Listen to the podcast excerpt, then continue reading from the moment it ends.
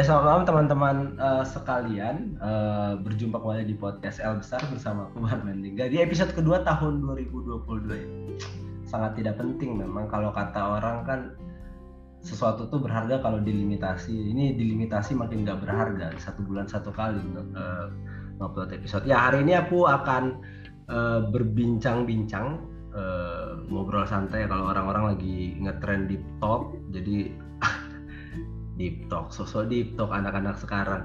Jadi uh, aku dan bersama, bersama temanku ini akan membicarakan hal yang lebih ringan kali lebih ringan uh, tentang uh, membaca dan menulis. Uh, jadi enjoy uh, untuk waktu-waktu depan. Semoga ada hal yang bisa diambil dan mencerahkan. Tapi kalau nggak nggak ada juga nggak apa-apa sih.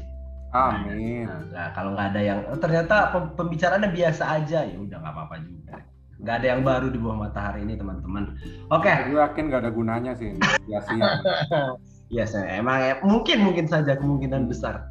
Oke, okay, uh, eh, sebelum jauh, uh, aku ya kita kenalan dulu sama teman-temanku ini meskipun teman sebenarnya uh, aku dan dia itu tidak pernah ketemu uh, secara langsung, tapi kayaknya beberapa kali, uh, satu kali ikut acara nasional gede dan ya tahu sama tahu aja kali di sosial media. Silakan perkenalkan diri lu wahai orang yang jauh di sana?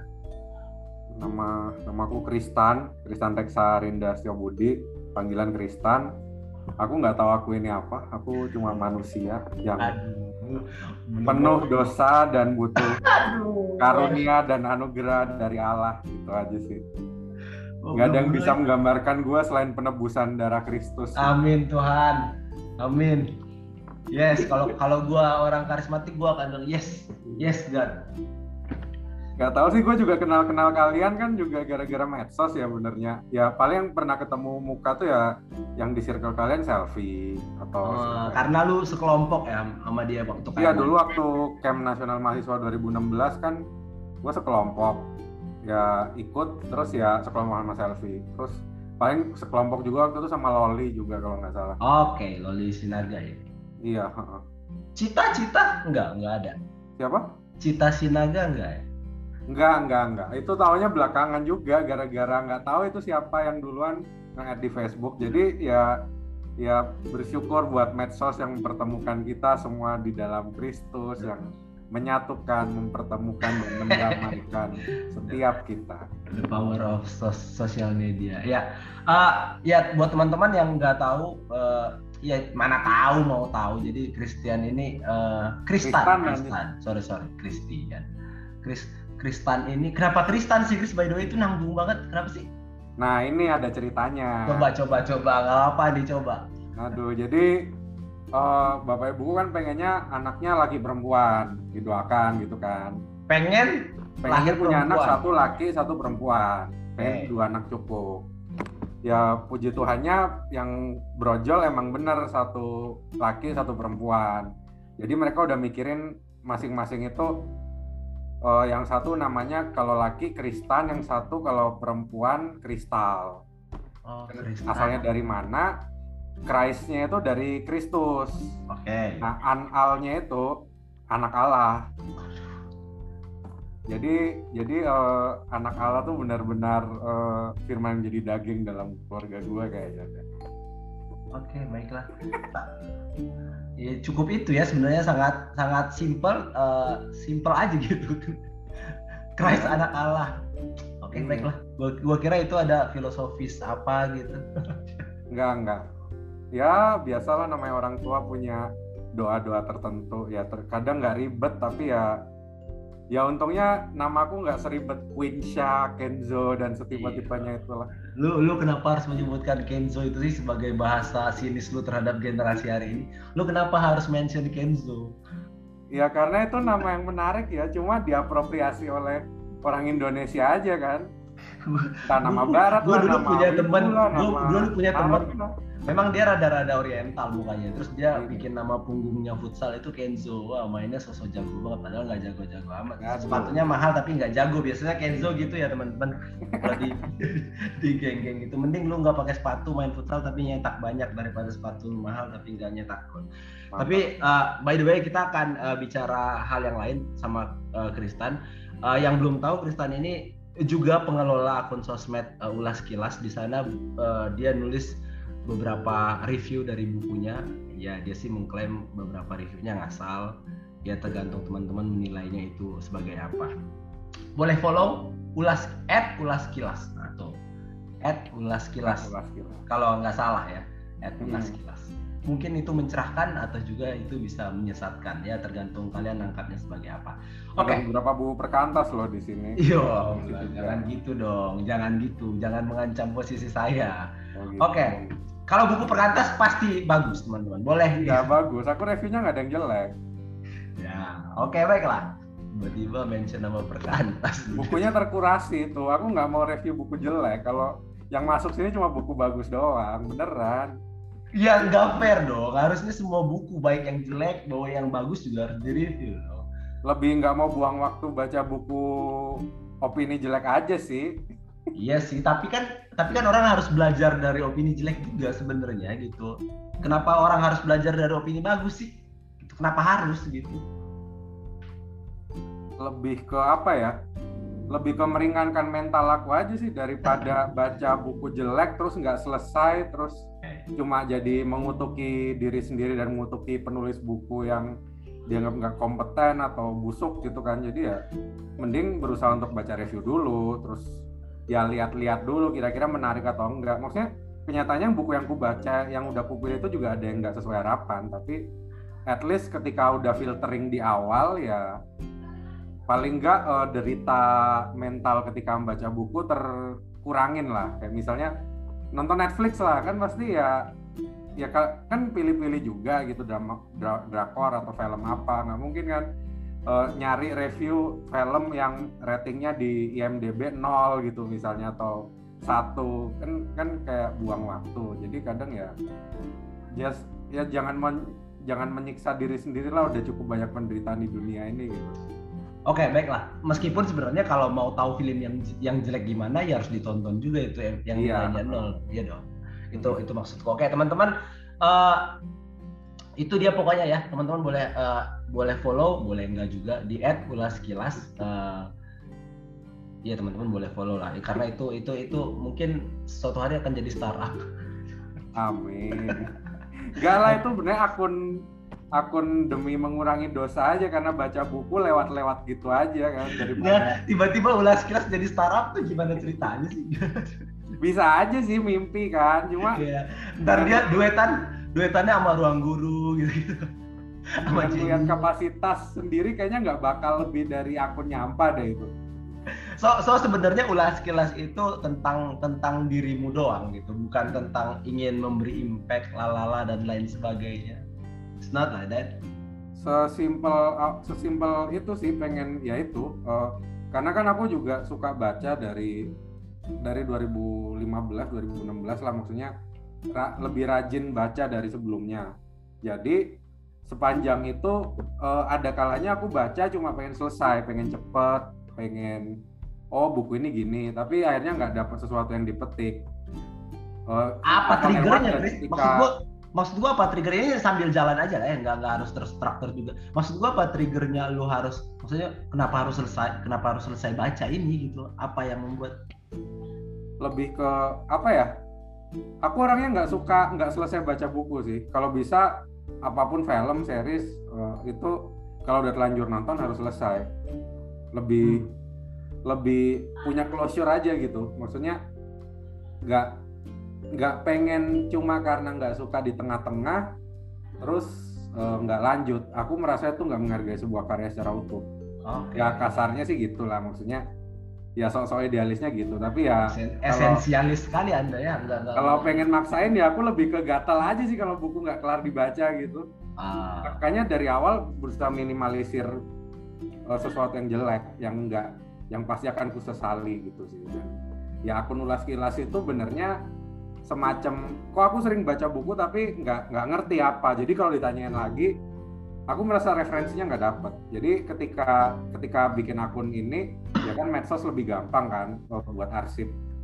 Lebih bisa dapat validasi juga karena ada yang nge-like gitu kan. Jadi lebih semangat gitu untuk baca buku terus nge-recap buat inget-inget di buat di masa depan kalau aku pernah baca ini dan isinya kayak gini. Jadi semacam merekam jejak baca aja sih ulas kilas itu nggak nggak pengen aku nggak pengen mencerdaskan kehidupan bangsa juga nggak pengen apa sih nggak pengen supaya eh, literasi pembaca itu jadi naik gitu cuma mungkin ada ekses positifnya orang jadi pengen baca buku orang okay. jadi baca okay. jadi tertarik. sampai di situ dulu Chris. Ini, ini, ini sesuai sama sesuai, sesuai sama sesuatu yang ingin gue tanya dari lu nih.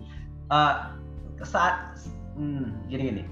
Jika seandainya sosial media itu memang adalah alat untuk personal branding ya, seandainya, seandainya kita hmm. semua memahami itu secara secara ya kita itu jadi kesepakatan kita, maka kenapa lu memilih jalur itu? Maksud gue kan lu punya kehidupan lain ya maksud, ya iya gak sih? Lu lu punya kehidupan maksud gue lu punya kehidupan lain lu punya pekerjaan as a professional worker gitu iya tapi kenapa lu memilih jalur baca tulis itu sebagai branding personal lu. Maksud gue se seoptimis itukah lu melihat kegiatan baca tulis itu sehingga lu memilih jalur itu dan lu kalau orang ya di side hidup gue yang lain orang nggak perlu tahu lah. Uh, mungkin sih maksudnya aku nggak bangga bangga amat sama kerjaanku dan aku nggak merasa sesuatu yang bisa di share gitu. Aku kerja cari duit. Gua gua senang loh mendengar kejujuran uh, gimana ya? Maksudnya menurutku penting sih. Uh, kadang kadang ketika aku di dunia kerja ini aku jadi ngerti ada pemisahan. Jadi nggak semua orang punya privilege untuk mengerjakan apa yang dia sukain gitu kan untuk cari duit ya. Tagihan harus dibayar. Makanya ketika aku kerja aku nggak passionate aku nggak apa-apa. Yang penting aku menikmati. Tapi aku juga pengen menyediakan ruang bagi apa yang ku nikmati. Baca buku lah atau nonton lah atau kadang suka nulis. Jadi uh, ini sebenarnya semacam uh, pelarian katarsis sekaligus untuk menjaga kewarasan juga.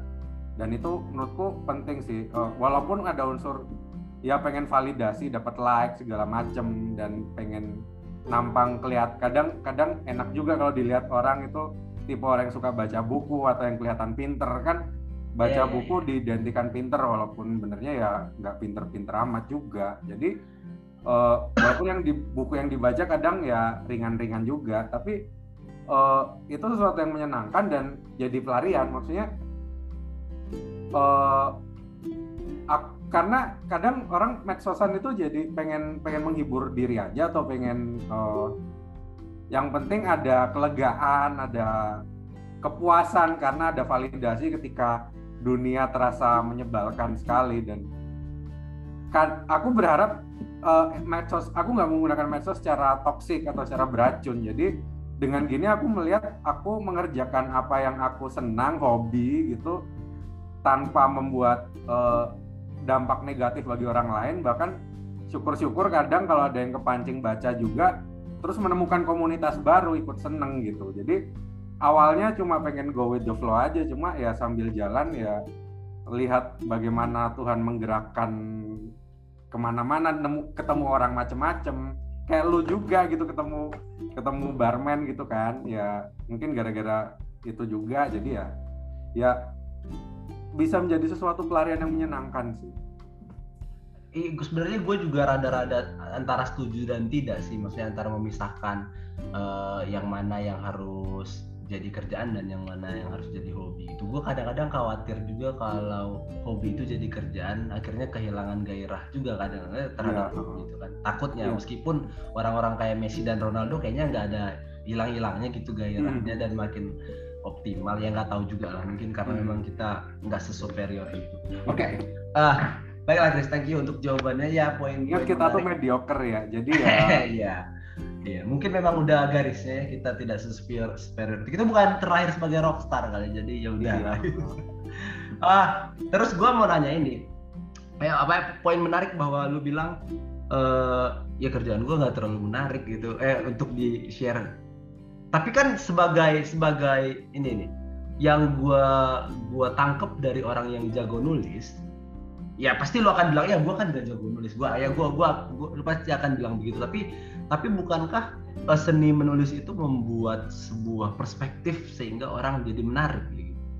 Kenapa kenapa entah gue yang kurang membaca tulisan lu di sosial media tapi kayaknya dari pembacaan gue beberapa gue baca tulisan lu kayaknya sangat minim gitu tentang pekerjaan lu atau hal-hal yang sifatnya begitu so, kenapa itu tidak bisa tidak bisa dibuat menjadi sebuah cerita menarik dengan perspektif yang lu tawarkan gitu hmm, mungkin sih uh, kadang gue di medsos juga cerita dikit tentang pekerjaan gue satu sebenarnya uh, alasan profesional juga. Gue ngeras gue kan hmm. konsultan dan gue ngerasa gue uh, nggak nggak bisa nggak nggak bisa dan nggak pengen membawakan kerjaan gue yang terkait kasus klien gitu ke, ke ranah seperti ini. Dan itu buat gue sih nggak menyenangkan. Walaupun gue beberapa kali baca novel yang temanya misalnya office romance temanya metropop yang mana itu membawa kehidupan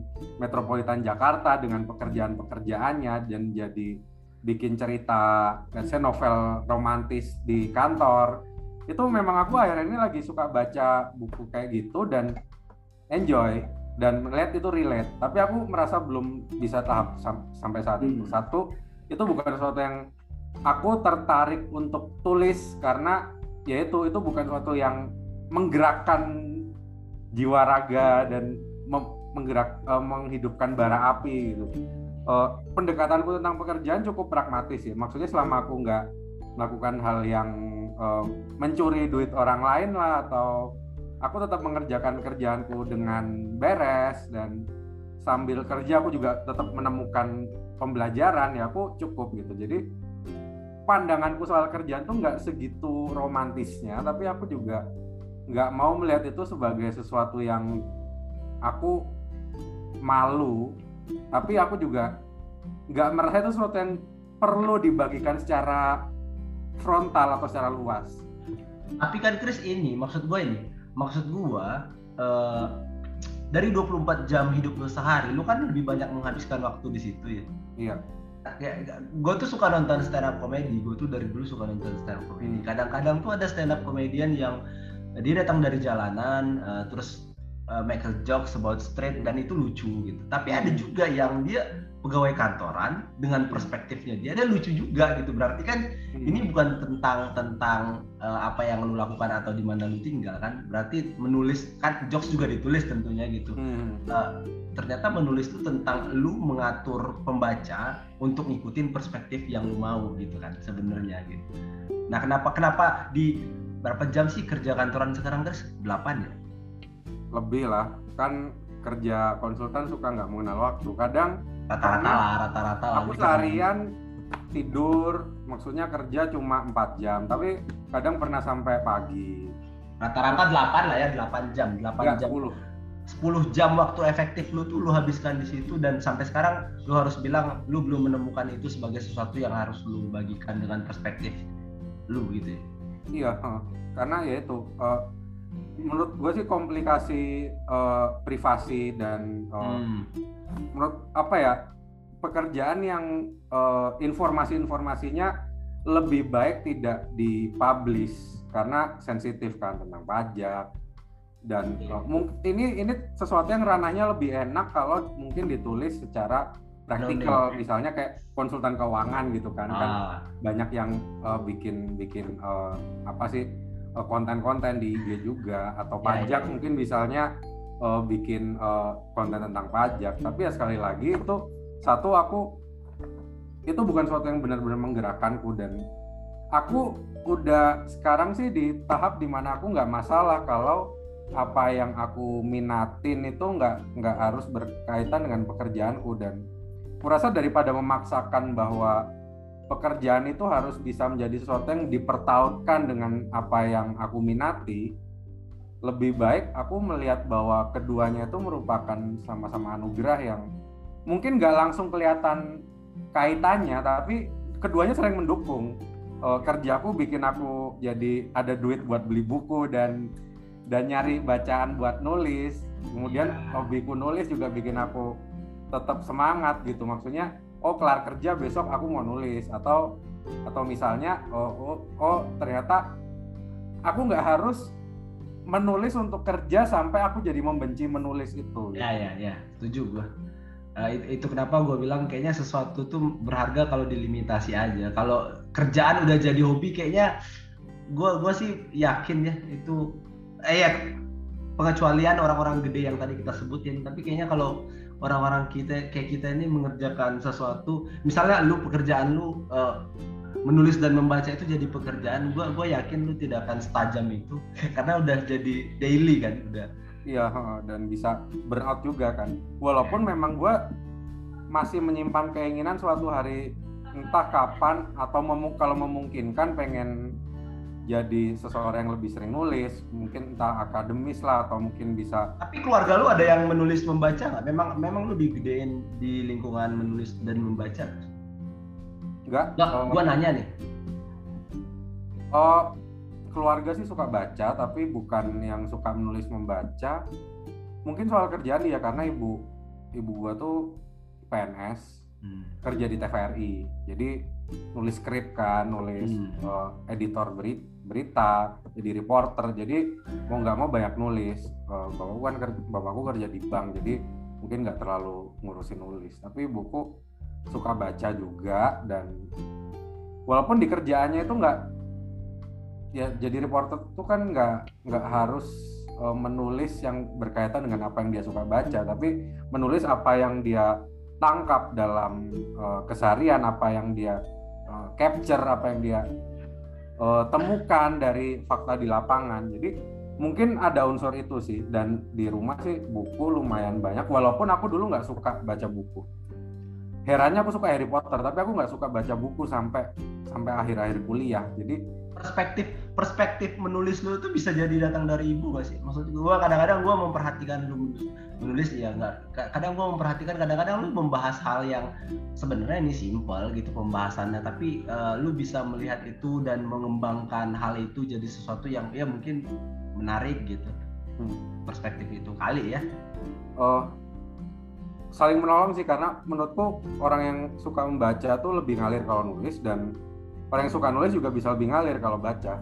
Uh, ketika ketika suka nulis gitu kadang uh, orang kan jadi berusaha nyari referensi. Referensi bacaan-bacaan supaya yang ditulis nggak cuma uh, sekedar apa sih uh, curhat doang walaupun itu punya tempat. Tapi kita nggak selamanya bisa mencurahkan segala kehidupan kita kan. Maksudnya aku pernah di tahap aku curhat terus gitu kalau nulis. Tapi itu itu nggak sustainable. Jadi ya aku berusaha untuk memperkaya itu lewat apa yang pernah aku baca baru aku kaitkan tanpa mengekspos terlalu banyak kehidupan pribadiku. Dan ketika baca akhirnya menemukan kosakata kosakata baru atau menemukan ide-ide baru. Jadi uh, keduanya saling mendukung sih. Uh, dan itu bisa ketika dijalaninya itu dengan enjoy itu bisa jadi hobi dan sekaligus healing juga sih mungkin. Ya bukan healing dalam makna apa ya makna rendahan kayak uh, pergi ke Bali itu self healing gitu. Enggak maksudnya lu, lu kenapa sinis banget sih Chris? itu lu boleh gitu Chris. Lu sinis banget kayaknya sama generasi hari ini. gitu. Ya kan uh, makna healing sekarang kan mengalami degradasi ya jadi ya ya kayaknya ya emang ngapain jauh-jauh padahal ya kesadaran itu banyak kesempatan untuk healing walaupun ya kita kan sudah ditindas kapitalisme sekian lamanya gitu ya. Udah jangan ke mana-mana lu, tiba-tiba ke kapitalis ntar bener ditangkap lagi nih yang punya podcast. ah ya, sekarang kita masuk masuk ke pertanyaan uh, eh, gue selanjutnya. Mungkin mungkin ini rada-rada filosofis juga, meskipun lu bisa jawab dengan seadanya. Menurut lu, Chris, uh, secara pribadi lah ya, secara pribadi, uh, menurut lu baca tuh apa sih? Membaca tuh apa? Terus apa yang membedakan menurut lo apa yang membedakan uh, proses belajar yang dialami orang yang membaca dan orang yang mendengar kayak generasi hari itu kan generasi mendengar banget ya hmm. menurut gue ya anggap anggap perspektif gue ini sangat sempit tapi gue perhatiin anak-anak sekarang tuh lebih suka apa-apa dengar podcast apa-apa lihat YouTube yang visual hmm. apa-apa nonton baca Bible reading aja audio gitu Bible reading hmm. audio gue udah dengar gitu nah menurut tuh apa perbedaan perbedaan proses belajar apa yang terjadi nih kalau lu baca teks dan lu denger. Kalau jawaban gue sebenarnya simpel sih. Gue nggak tahu. Lu nggak tahu. Oke okay, lah lu nggak tahu. gampang banget bibir lu jawab lu nggak tahu. Bangke. Gue nggak harus tahu kan ya benar. ya kita tutup aja podcast ini gitu. Uh, apa ya? Gue gue belum kepikiran sih tapi uh, kalau coba gue pikir ya membaca itu kan uh, semacam uh, menangkap dalam konteks uh, tulisan ya apa yang telah ditulis gitu apa yang telah dituangkan pada media cetak atau di internet tulisan tuh kata-kata rangkaian rangkaian uh, huruf kata paragraf berhalaman berhalaman membaca itu uh, menangkap semua yang ada di situ kemudian mencoba merangkainya sebagai suatu yang bisa dicerna oleh otak dan bisa jadi entah itu sesuatu yang baru yang bisa diketahui atau bahkan lebih jauh lagi dari pengetahuan itu bisa dikerjakan. Jadi membaca itu sesuatu yang sifatnya menangkap dan mengolah informasi yang didapat secara ya secara cetak, secara tertulis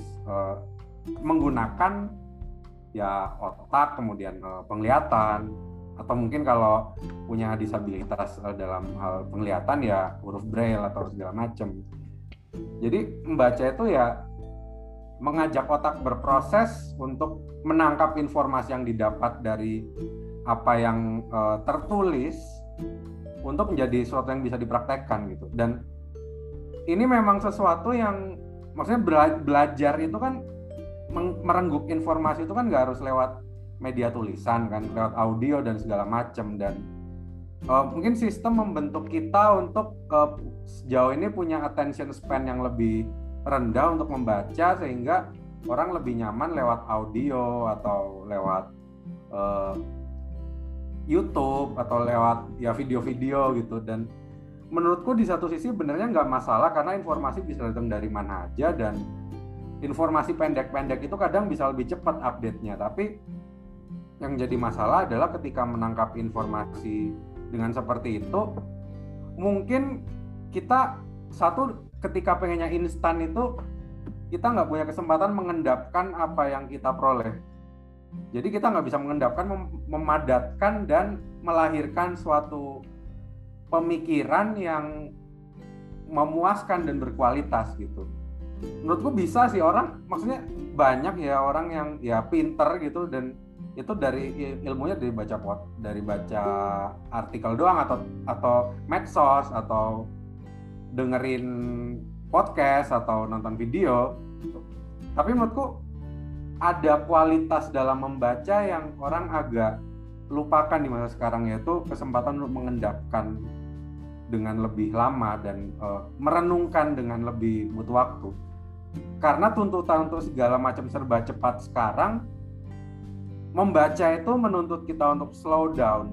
Bahkan ketika baca cepat itu tetap aja kita tetap harus slow down untuk mencernanya. Jadi ya mungkin ada perbedaan sih dan maksudnya informasi bisa dapat dari mana aja tapi ada kualitas tertentu dari membaca yang nggak bisa didapatkan dari media yang lain.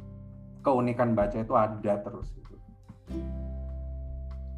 Jadi menurut lu ini dengan perkembangan uh, modernisasi yang makin hari ya lu lu lu pasti tahu yang gue maksud hmm. uh, lu masih yakin gitu budaya baca ini akan terus berlanjut uh, de, de, ya kalau gue tanya anak-anak gitu ya, ya mereka sih gak bukan bukan lagi tipikal-tipikal yang kayak kita baca teks panjang satu buku hmm. mereka cukup punya ya bang ada satu artikel yang ngebahas itu secara komprehensif is enough gitu. Gue bisa gue bisa membawa itu dalam debat-debat bareng temen gue gitu. Dan itu cukup dan itu kan hari ini dan nanti itu kan akan mengalami degradasi lagi tuh kan terus makin lama makin pendek tuh bacaan-bacaan anak-anak. Dan nah, menurut lu menurut lu itu itu sesuatu yang harus dilihat sebagai apa gitu? Dengan yang gue tangkap dari penjelasan lu soal membaca tadi kan uh, ya mungkin ini fanatisme kita juga ya kali sebagai sebagai generasi yang yang yang kebetulan masih bersentuhan dengan teks-teks hmm. panjang adalah kita bisa punya kita bisa mengkonstruksi gagasan dan idenya tuh secara utuh gitu dari dari dari awal terus kita konstruksi oh ini oh ini ternyata uh, akar pemikirannya begini gitu sedangkan hmm. kalau kalau dengar ya kan durasi durasi podcast durasi video itu kan nggak bisa lama-lama ya paling dua ya, jam dua jam juga orang udah capek Hmm. gua gua rasa itu tapi tapi kalau lu ngelihat uh, perkembangan metode belajar anak-anak hari ini tuh yang kayaknya makin lama bacaan makin makin singkat tapi mereka yakin bahwa itu komprehensif dan itu cukup gitu lu membacanya sebagai apa Hmm, sebenarnya gue uh, agak takut kita jadi kayak orang-orang tua kita gitu. Iya benar, enak benar, gitu kan. Benar sekali. Walaupun kita sendiri masih milenial, tapi kan kita udah milenial tua gitu ya dan ya. Kita udah terekspos uh, sesuatu yang di masa lalu menyenangkan tapi juga punya kekurangannya bermasalah juga.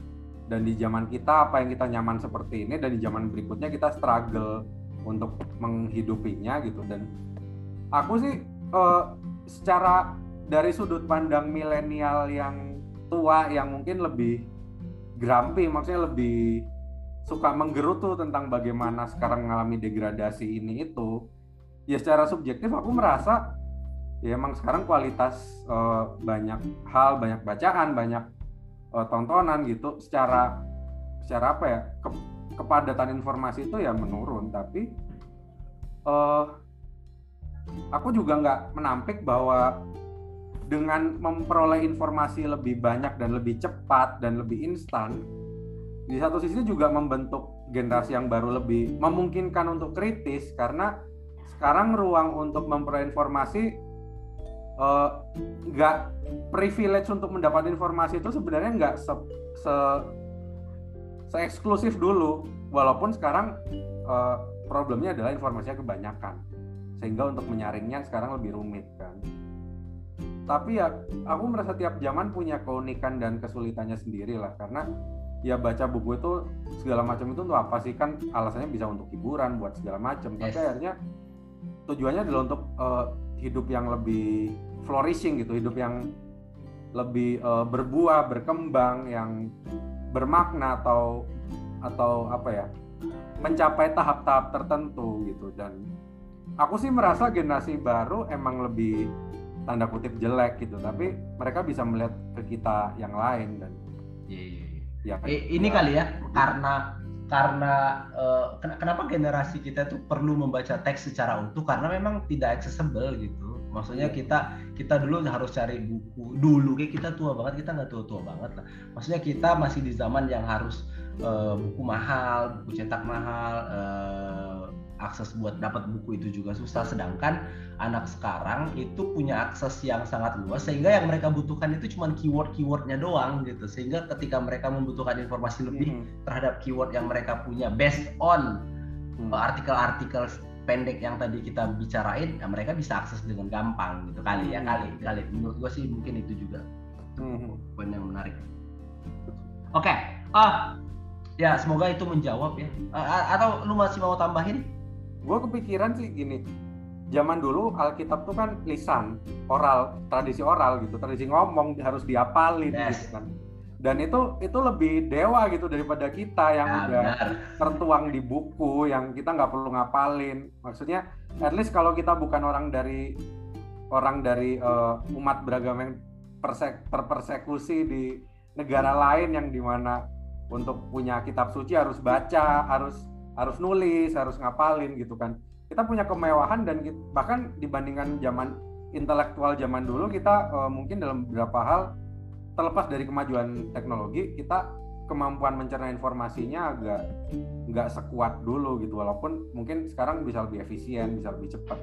Jadi ya uh, tiap zaman punya kita tuh ya tetap inferior. Misalnya orang tua kita juga ngerasa kita inferior kan. Jadi ya yeah. Entah kenapa tiap zaman punya caranya tersendiri untuk menghadirkan uh, pengelolaan informasi dan pencernaan mencerna informasi gitu. Jadi ya itu kayak inilah ya kayak kayak bagaimana cara uh, setiap makhluk beradaptasi lah ya eh, terhadap iya, perubahan-perubahan gitu. Oh ternyata ya kenapa gue harus baca teks panjang gitu. Kalau kalau ternyata cukup dengan keyword abis itu gue bisa cari dengan mudah se semudah menuliskan uh, keywordnya di Google lalu keluar tuh artikel-artikel lengkap kali ya. Hmm.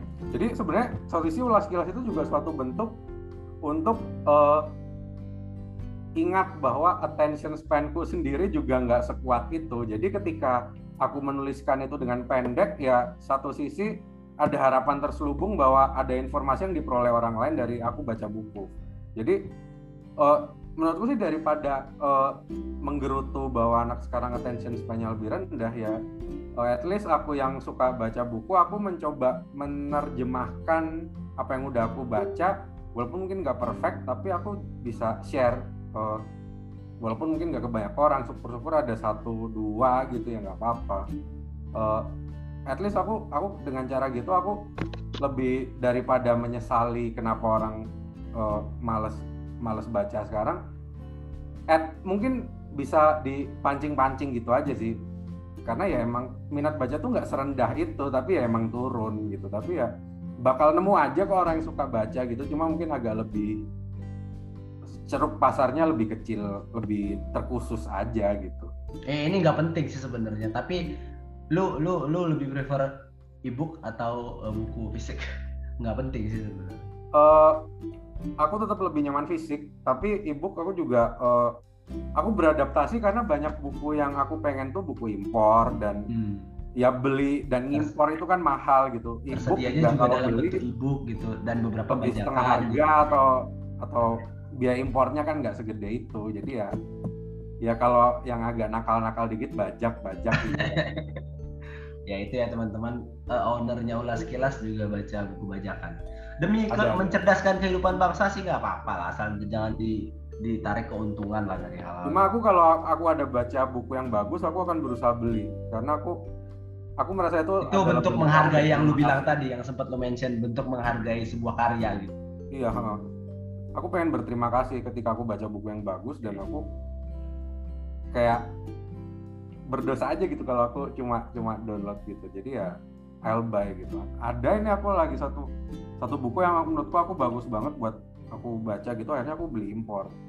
Ya emang nggak semua orang punya kemewahan untuk ngalokasikan uh, anggarannya buat beli gituan. Jadi aku ngerti. Tapi ya sebisa mungkin ketika aku punya sumber daya aku akan berusaha beli terutama menulis lokal karena ya lokal kan lebih lebih struggle gitu. Maksudnya kita lebih ngerti lah struggle-nya uh, penulis lokal dengan uh, dengan uh, segala kerumitannya dengan uh, susahnya nyari royalti susahnya jual buku dengan persentase bayaran yang gede gitu kan. Jadi ya gitu. oke. Okay uh, Chris kalau kalau dihubungin sama menulis menurut tuh apakah apakah ini? Apakah uh, hasrat menulis itu selalu berbanding lurus dengan hasrat membaca. Oh enggak enggak selalu. Aku sekarang lagi stuck banget nulis gitu kan. Udah udah beberapa lama aku nggak nulis artikel yang panjang yang mana. Biasanya ketika lagi rolling gitu ketika lagi lancar gitu aku bisa nulis agak panjang terus baca agak lama gitu. Kadang kadang jomplang gitu. Aku aku sekarang lagi sering lagi jumlah buku yang aku baca tahun ini aja udah seperempat tahun lalu gitu ini baru Februari gitu. Jadi tapi aku tulisan aku yang aku menulis itu aku nggak produktif gitu. Paling ya caption IG ya curhat lah. Tapi nggak aku belum tahun ini belum nulis sesuatu yang saya artikel 900 kata gitu atau sesuatu yang lebih panjang. Itu itu sesuatu yang aku agak susah. Jadi karena membaca itu nggak selalu untuk menulis gitu. Membaca itu juga bisa buat hiburan dan hmm. sayangnya makanya orang mikir oh membaca itu kok produktif ya? Enggak membaca itu juga konsumtif. Jadi ya, ya benar. Itu gua setuju gua kemudian nggak jauh beda sama nonton nonton di YouTube lah atau Iya benar sekali. Nggak nggak sebenarnya nggak jauh beda sama lu nonton dokumenter lah. Dapat informasi dapat hal gitu. Iya kadang intensi membaca emang buat hiburan. Jadi sekarang ini kan aku kerjaanku lagi banyak dan lagi stres gitu. Jadi aku lagi beberapa waktu ini lagi lebih banyak baca cerpen atau kumpulan cerpen atau novel yang mungkin kadang temanya ada yang berat tapi lebih bisa dicerna lah daripada let's say baca uh, buku apa sih teologi atau buku non fiksi sains populer atau ilmu sosial atau sejarah itu kan berat ya. Jadi kalau sambil kerja lagi banyak terus baca gitu kan pengen muntah kan rasanya jadi ya kadang membaca itu juga bisa jadi pelarian hiburan dan mendeteksi bahwa mungkin ada sesuatu yang nggak baik-baik aja makanya bisa bisa sesuatu itu bisa diproses dan ketika membaca itu bisa menolong untuk memproses itu Nah, kalau kalau misalnya kita kesampingkan semua hal-hal yang lu jelasin tadi soal ya kerjaan lagi banyak, gua lagi stuck dan lalala lain sebagainya. Uh, teks-teks seperti apa sih Chris yang menurut lu itu tuh bisa ngedorong lu untuk nulis? Ada nggak teks-teks spesifik yang akhirnya kalau lu kayaknya ngebaca teks-teks ini kayaknya punya hasrat punya desire buat buat dituangkan dalam bentuk teks juga walaupun mungkin lebih kereduksi gitu? Teks ya? Oh Alkitab dong jelas. Waduh oh, waduh waduh waduh. Waduh segala yang difirmankan itu kan untuk untuk menegur aduh nggak nggak sosial lu gabung klub karbat sih apa dong masa gue jawab das kapital ya uh, Ya mami ya, ya, ya who knows siapa tahu lu punya punya teks-teks oh. spesifik kayak kayak novel atau cerita fiksi atau lain sebagainya ya, gitu. Tahun lalu gue baca baca non fiksi banyak banget. Entah itu buku teologi lah, entah itu uh, sains pop nggak sains populer sih kayak ilmu sosial atau sejarah. Dan sama gue ngerasain tahun lalu tuh kering banget buat nulis. Hmm dan gue merasa uh, eh, gue paling banyak nulis itu ketika asupan uh, fiksi gue cukup banyak atau sastra gitulah sastra yang sifatnya lebih ke ya novel gitu misalnya roman karena ketika baca fiksi ketika baca novel gitu atau ya baca cerpen ya imajinasi kan jadi ter terangsang kepancing gitu. Untuk memikirkan sesuatu yang lebih lebih daripada apa yang dunia ini tawarkan gitu kan. Kasarnya kan kan let's say bahkan fiksi yang kisah kisah nyata yang dinovelkan itu kan juga banyak unsur imajinasi. Ini karena karena ini karena dunianya utopis atau karena dunianya emang lu nggak nggak jangkau gitu dunia dunia fiksi itu.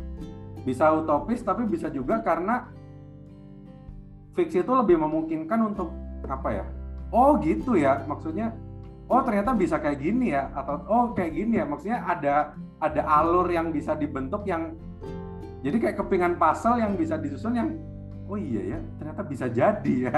Bisa jadi gini aku kira ini cuma semacam uh, kepingan-kepingan kusut yang nggak berbentuk gitu. Dan ketika baca fiksi itu uh, pancingan untuk melakukan untuk merangkai itu jadi ada. Dan bahkan uh, apa ya uh, mungkin uh, fiksi yang bagus itu yang kosakatanya kaya. Dan itu itu bisa memancing juga untuk uh, menemukan kata-kata baru yang mungkin lebih mewakili apa yang dipikirkan gitu kan. Sementara kalau non fiksi mungkin uh, lebih mungkin untuk mengalami kekeringan. Maksudnya mungkin cara menulisnya uh, kan fakta atau atau fakta sejarah atau argumen uh, mendukung ini itu itu kan jadi sesuatu yang sifatnya uh, lebih keras gitu kalau fiksi itu menurutku lebih lebih lembut tapi lebih apa ya lebih soft dan lebih bisa masuk gitu untuk untuk bikin tergerak untuk oh iya ya kayak gini kayak gini kayak gitu walaupun ya non fiksi itu banyak bisa nyerap banyak info tapi untuk mendorong untuk menulis aku merasa baca fiksi itu penting banget. Jadi, jadi memang memang baca baca fiksi ya, ya ya kalau memang harus memilih gitu teks-teks yang pada akhirnya membuat lu lebih lebih punya hasrat buat menulis kemudian membagikannya. Gak kayaknya kayaknya kayaknya kita semua merasakan hal yang sama. Gua gua dua tahun terakhir ini 2020 karena pandemi karena apa gua gua baru baca banyak banget bukunya Nietzsche sama Schopenhauer ya. Mm-hmm. Itu kan bukunya ya kayak baca orang gila ngedumel doang itu tulisan-tulisan kayak gitu. Dan yang nihilis gitu ya. Iya gitu. Uh, mau 2020 2021 gue gelap banget. T tapi itu tidak tidak membuat gue gue menemukan banyak frasa bagus, gue banyak menemukan menemukan uh, pemilihan kosakata yang manis gitu. Uh, tapi itu tidak membuat gue punya hasrat untuk menulis gitu. Mm-hmm. Tapi waktu gue balik lagi nih 2022 baca lagi tulisannya Timothy Keller baca lagi nah yang gitu-gitu tuh oh ini ini tulisan-tulisan yang hangat lagi ternyata yeah, menurut gue ya yang yang yang lebih lebih relate gitu terhadap dunia gue terhadap orang-orang yang gue katakan layani gitu. Oh daripada hmm. gue baca hal yang daki-daki itu justru ngebuat gue merasa puas dengan diri gue sendiri aja. Apakah gue perlu menuliskannya? Kayaknya nggak usah ada.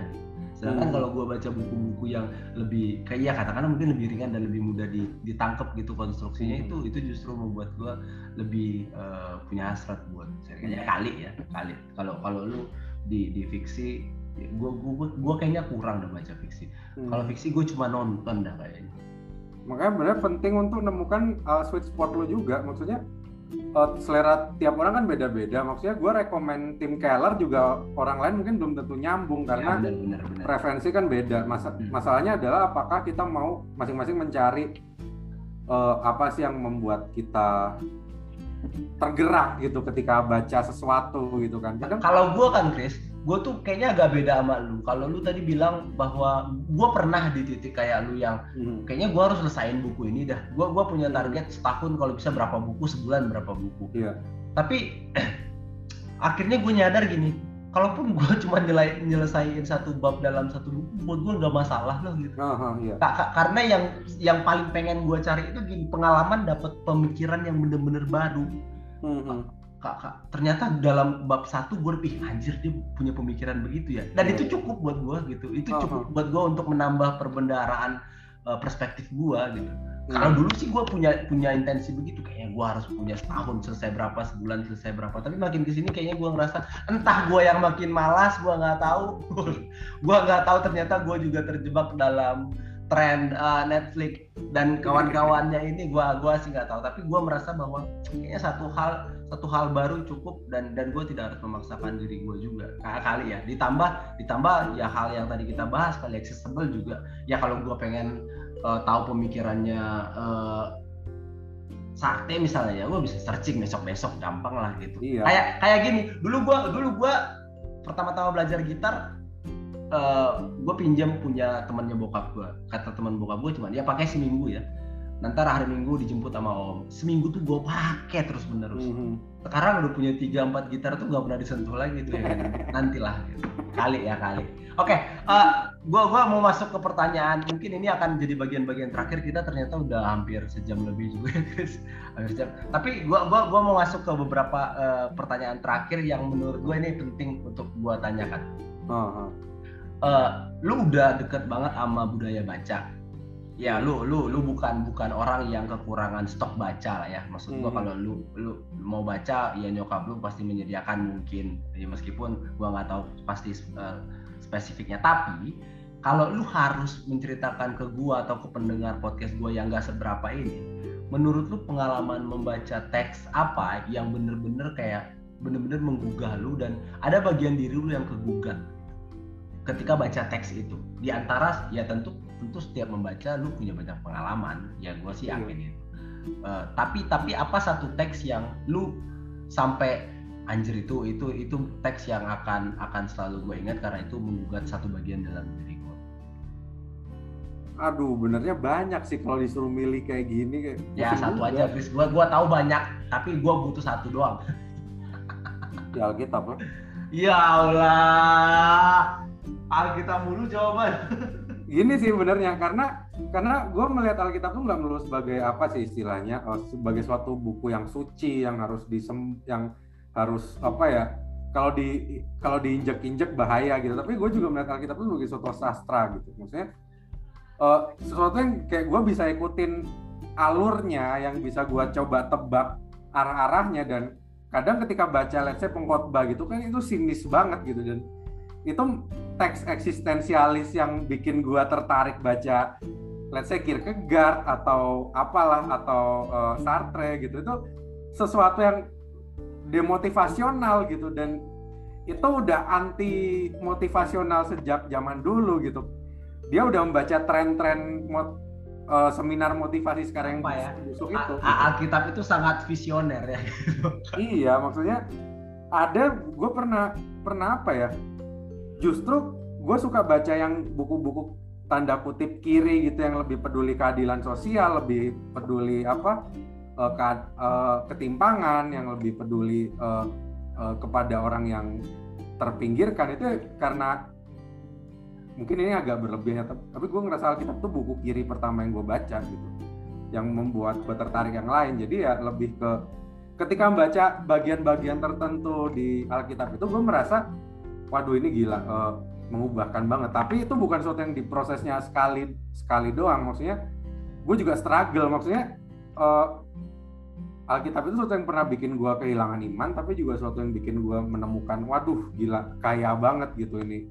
Terus uh, relatable banget gitu. Dan pengkhotbah sih yang paling bikin gue waduh waduh kacau nih yeah. ternyata nah, kitab juga bisa se, se, se negatif ini terhadap kehidupan ya mungkin itu mempengaruhi paling mempengaruhi pola pikir gue banget yang banyakkan sarkas yang banyakkan hmm. uh, mungkin terkesan negatif sama hidup tapi somehow dari situ menemukan harapan-harapan gitu makanya sampai sekarang gue masih masih hidup kali ya mungkin ya gara-gara yang kayak gitu kayak gitu gitu bahwa sesuatu yang sifatnya eksistensial itu mungkin melihat hidup dengan lebih pesimis tapi dengan melihat hidup lebih pesimis. Kita mungkin ekspektasinya jadi nggak terlalu tinggi tapi satu sisi juga bikin kita um, meng, memeluk segala segala yang nggak ideal itu aja ya, ya emang hidup itu nggak ideal gitu ya. Terusin aja ya.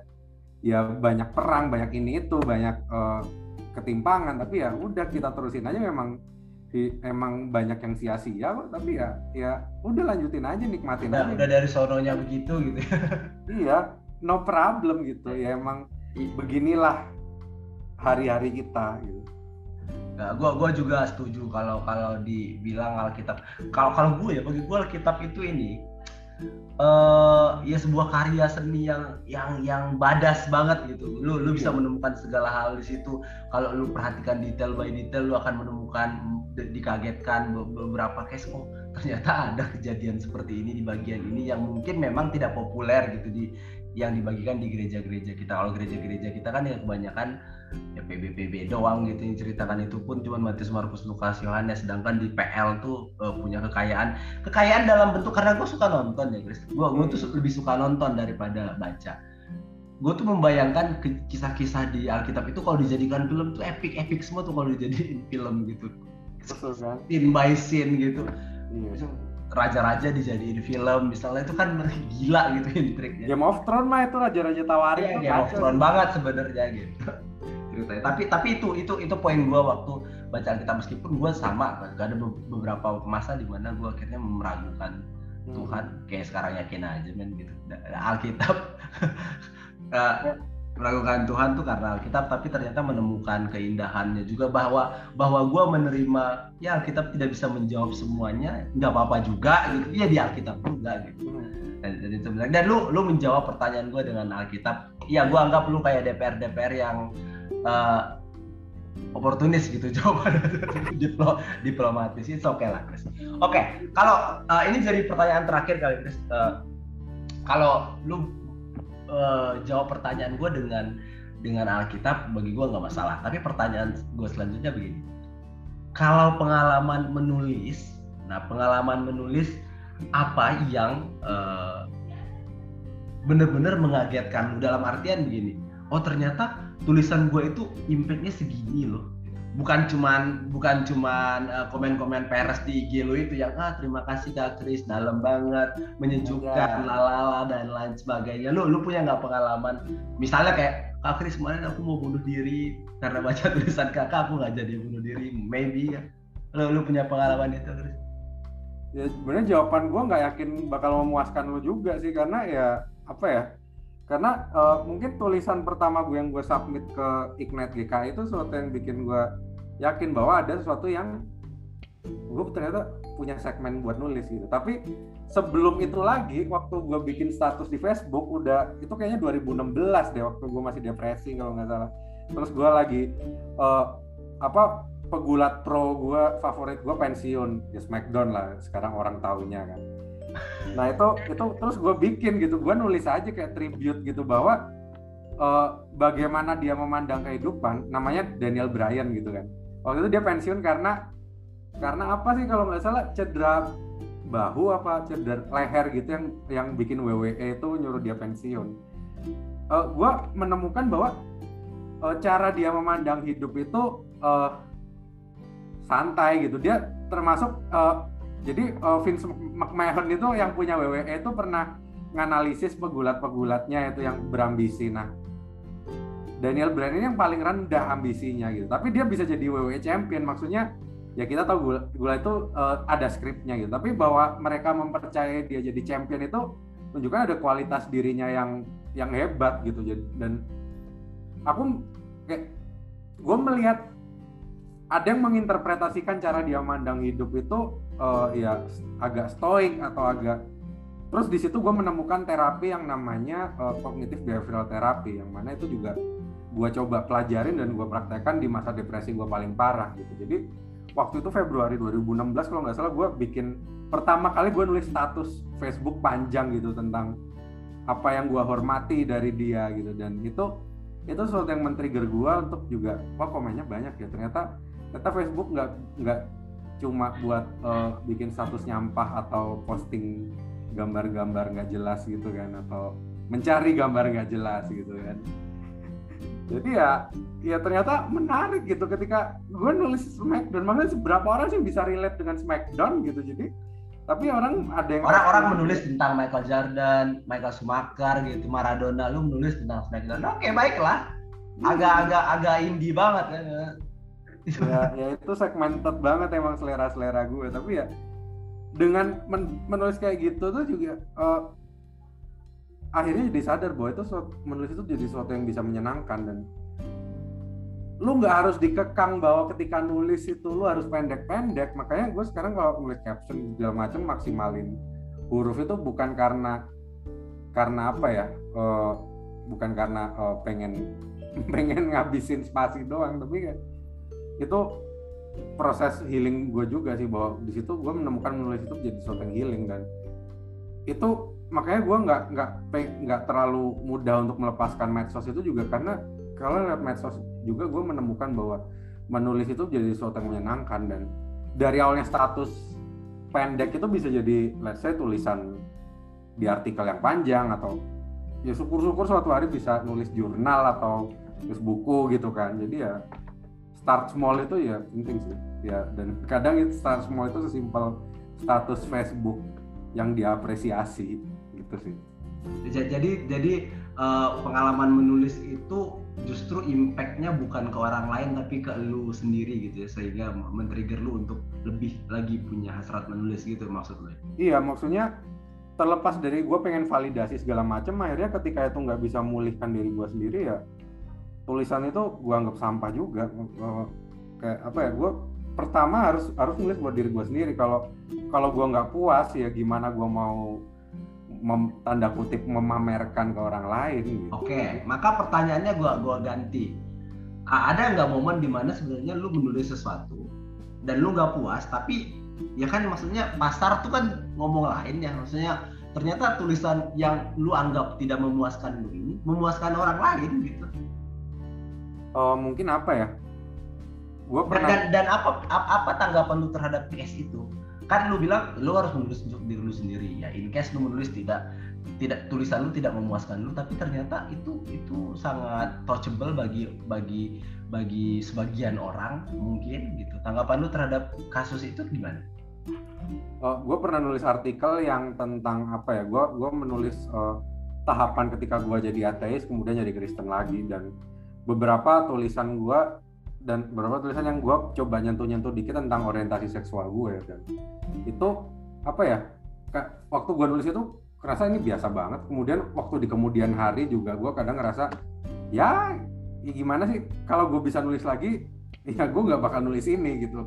Maksudnya ini jelek gitu. Tapi waktu gue ingat waktu nulis itu beberapa kali gue apa ya mendapati orang coming out ke gue, let's say uh, orientasi seksualnya, kemudian orang ngaku ke gue dia meragukan Tuhan, orang ngomong ke gue dia lagi ngebunglon gitu. Jadi uh, tulisan-tulisan sensitif yang uh, sebenarnya kadang gue rasa nggak gue tulis maksimal itu ternyata somehow menemukan audiensnya sendiri gitu. Ya, Jadi benar-benar. ketika ya ini istilah posmo sih, tapi ketika uh, tulisan itu udah dilepas ke alam liar gitu ya itu udah bukan milik kita lagi, lagi gitu ya benar dan dan dan biarkan orang aja gitu. Orang orang yang mencari atau dia menemukan siapa pun yang cocok sama dia gitu. Ya syukur-syukur interpretasinya sama kayak gue kalau enggak juga nggak apa-apa gitu.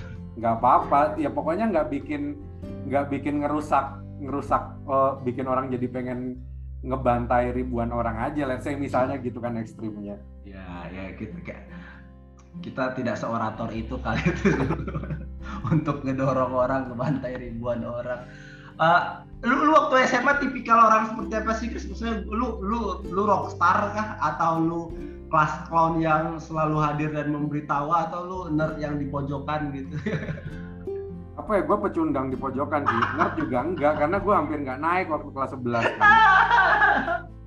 dan itu masa gue apa ya SMA tuh masa gue meragukan Tuhan masa gue ateis juga masa gue uh, mempertanyakan orientasi seksual gue dan masa gue lagi suka musik-musik yang lebih alternatif gitu Nirvana kemudian apa sih Apple Jam terus apalagi pang-pang zaman dulu kayak apa sih Black Flag, Minor Threat gitu. Iya, lah musik-musik depresif juga ya musik-musik. Iya, terus ya metal kadang gue baru kenal Metallica masa kayak gitu kan. Tapi yeah. orang luar liatnya gue baik-baik aja. Gue ya walaupun nilai jelek dan gue pendiam tapi ya gue orang yang beres lah. Jadi ya kayaknya lebih ke tipe pecundang yang mencoba mencari sebenarnya ngapain sih ngelanjutin pecundang yang yang yang setiap hari uh, sibuk bergulat dengan pikirannya sendiri gitu.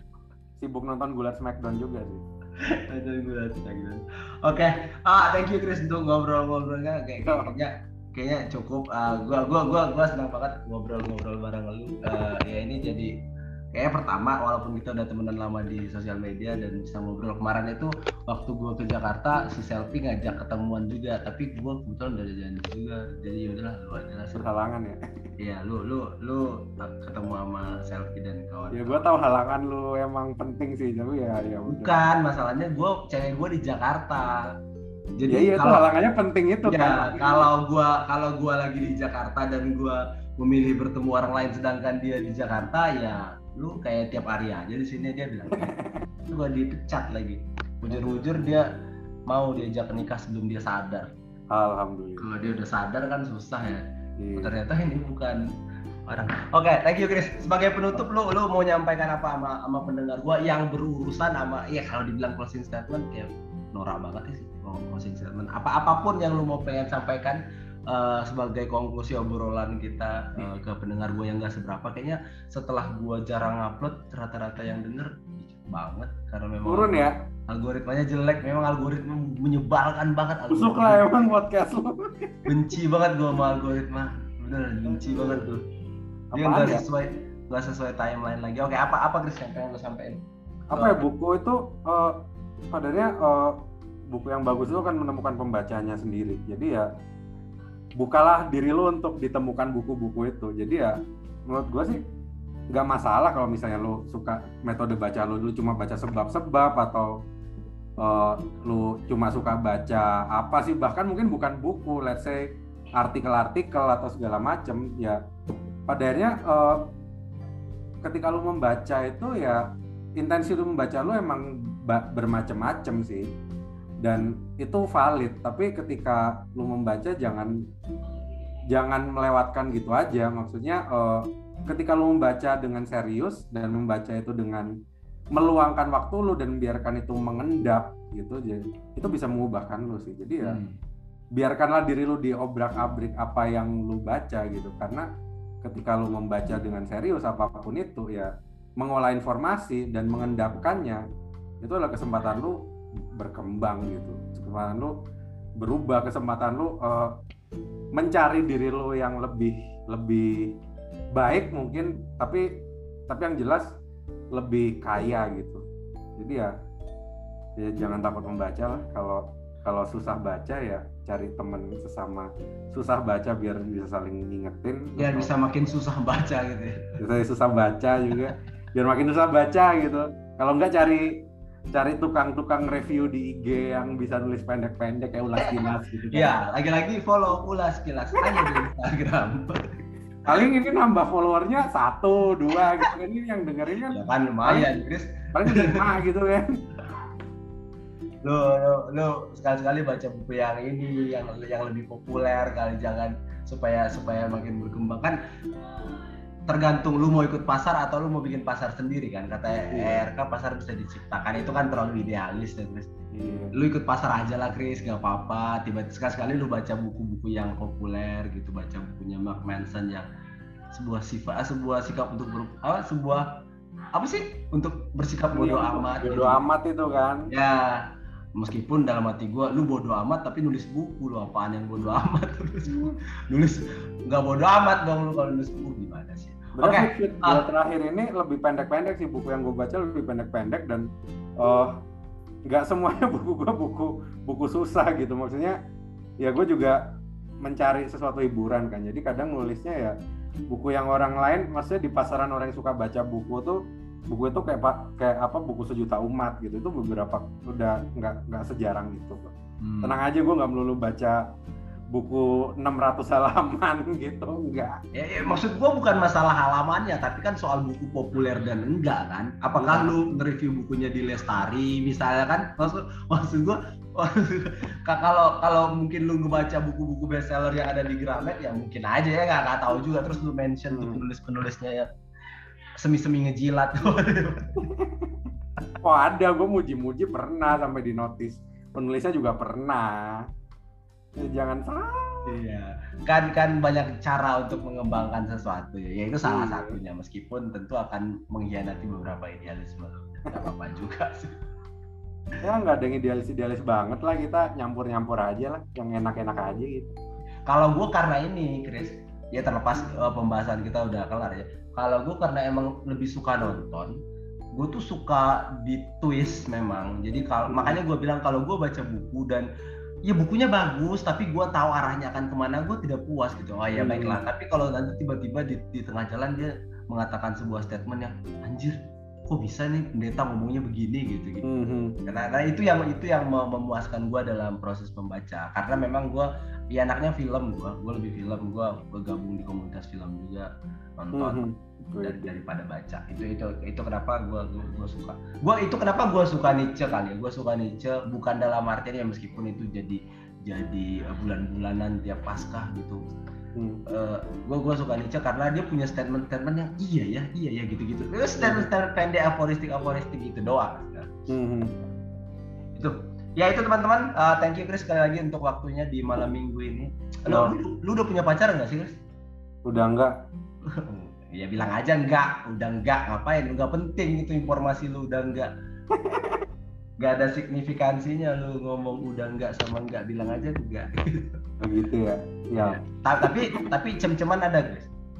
Ya teman-teman Chris Kristan belum punya pacar ya siapa tahu. Boleh diketuk DM-nya cem-ceman belum ada juga jadi ya ya kadang lagi males tapi ya kadang pengen juga jadi ya. Oh menikah menikah berarti bukan bukan sesuatu hal yang fundamental untuk saat ini setidaknya gitu? Enggak juga, tahu gua nanya.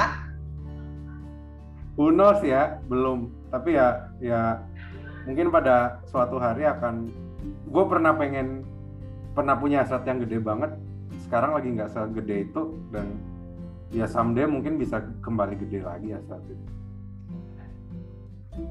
berarti berubah lah ya saya jalan waktu. Iya. Oke, okay.